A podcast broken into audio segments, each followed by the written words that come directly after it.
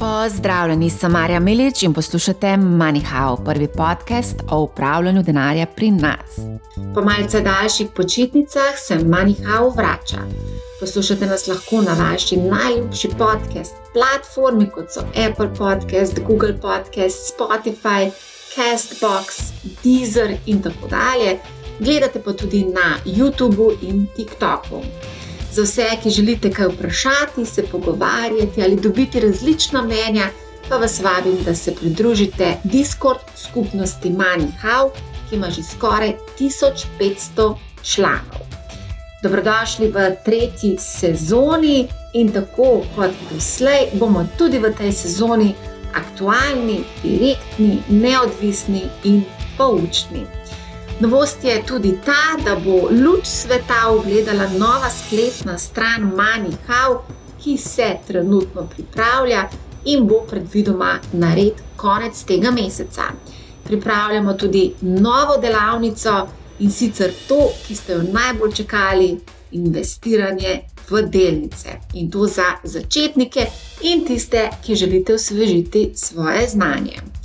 Kot sem napovedala, ob koncu druge sezone pripravljamo tudi snemanje epizode v živo z vašimi najljubšimi sogovorniki.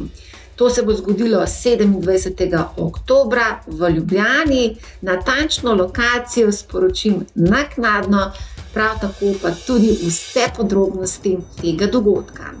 Že zdaj pa vemo, da bo število mest omejeno.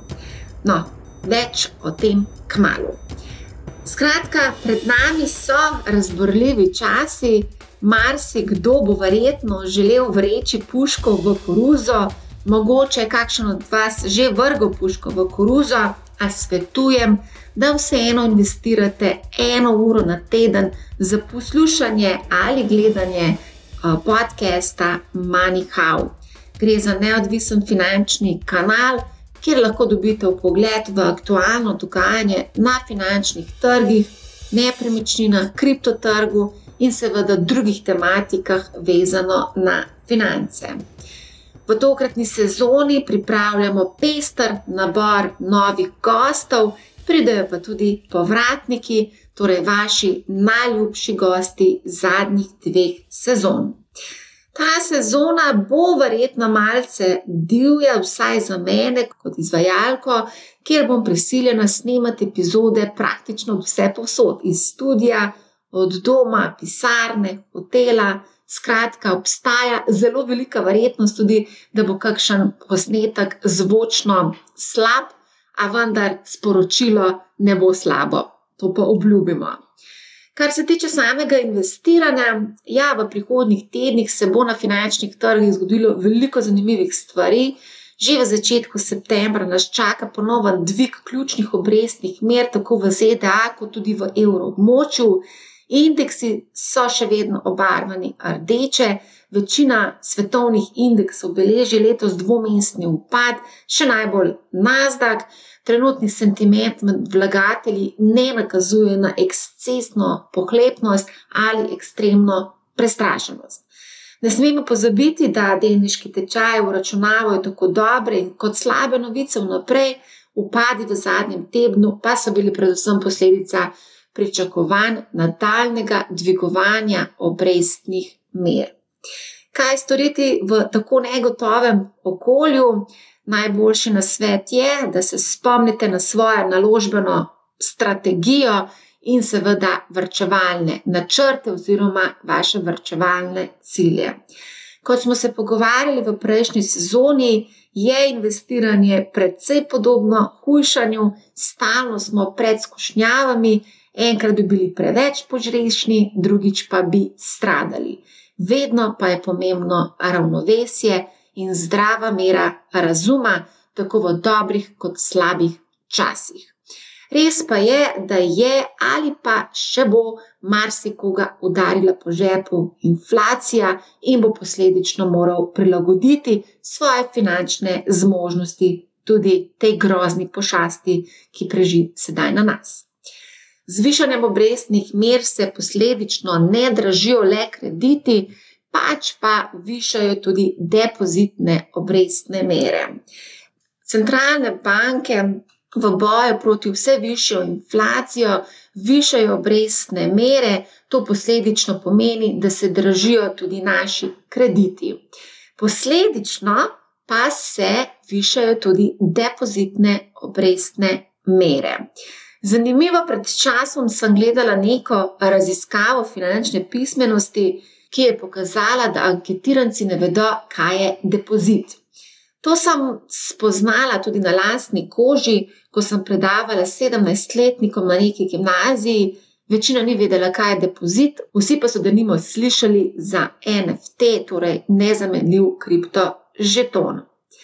Pred več kot desetimi leti si za večletno vesavo depozita, torej večletno vesavo denarja na banki, dobil tudi do 5 odstotkov na leto. Zato je marsikateri konzervativni vlagatelj raje denar vezal na banki, kot pa z njim tvegal na borzi. Danes mi na bankah pravijo, da večjega zanimanja še niso zaznali za depozite. Razlog verjetno tiči tudi v tem, da še ni pravi čas za to, saj je depozitna obrestna mera na ničli.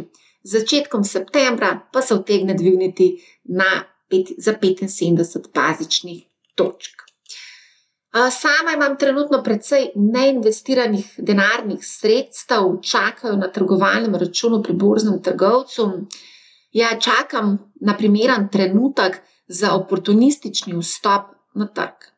To pa ne pomeni, da sedim in nič ne počnem. Osnovo mojega portfelja predstavljajo globalno razpršeni skladi, ki kotirajo na borzi, torej ETF-i te vsak mesec dokupujem in tako gradim močne temelje mojemu portfelju. Trenutno iskreno ne iščem nekih nišnih zgodb oziroma naložb, morda je razlog za to tudi pomankanje časa. Kar se tiče delnic ameriških podjetij, ne pozabite pri donosnosti upoštevati tudi valutno tveganje. Evro je padel pod pariteto dolarja, kar pomeni, da za en evro dobimo manj kot en dolar. Tudi to je potrebno upoštevati, ko se odločimo ali če se odločimo investirati v delnice ameriških blue chipov.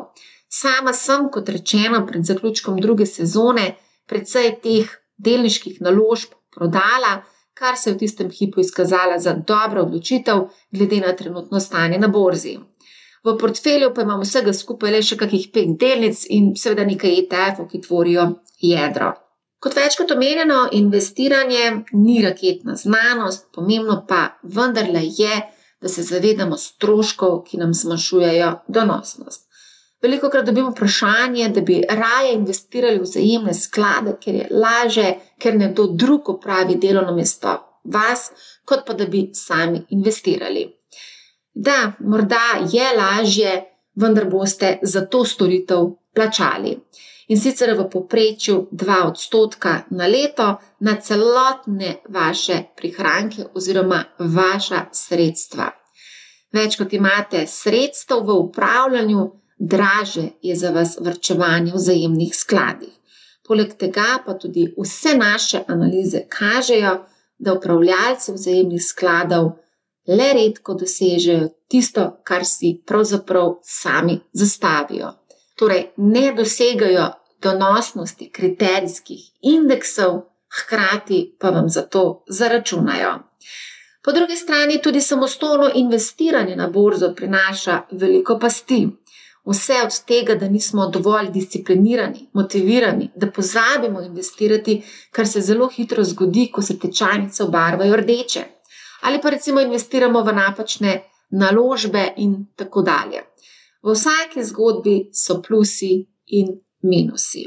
Za konec, kaj početi s denarjem, kljub vsem podražitvam, sem zagovornik tega, da je treba dati nekaj malega na stran za dolgoročno vrčevanje, pa če tudi to pomeni 20 evrov.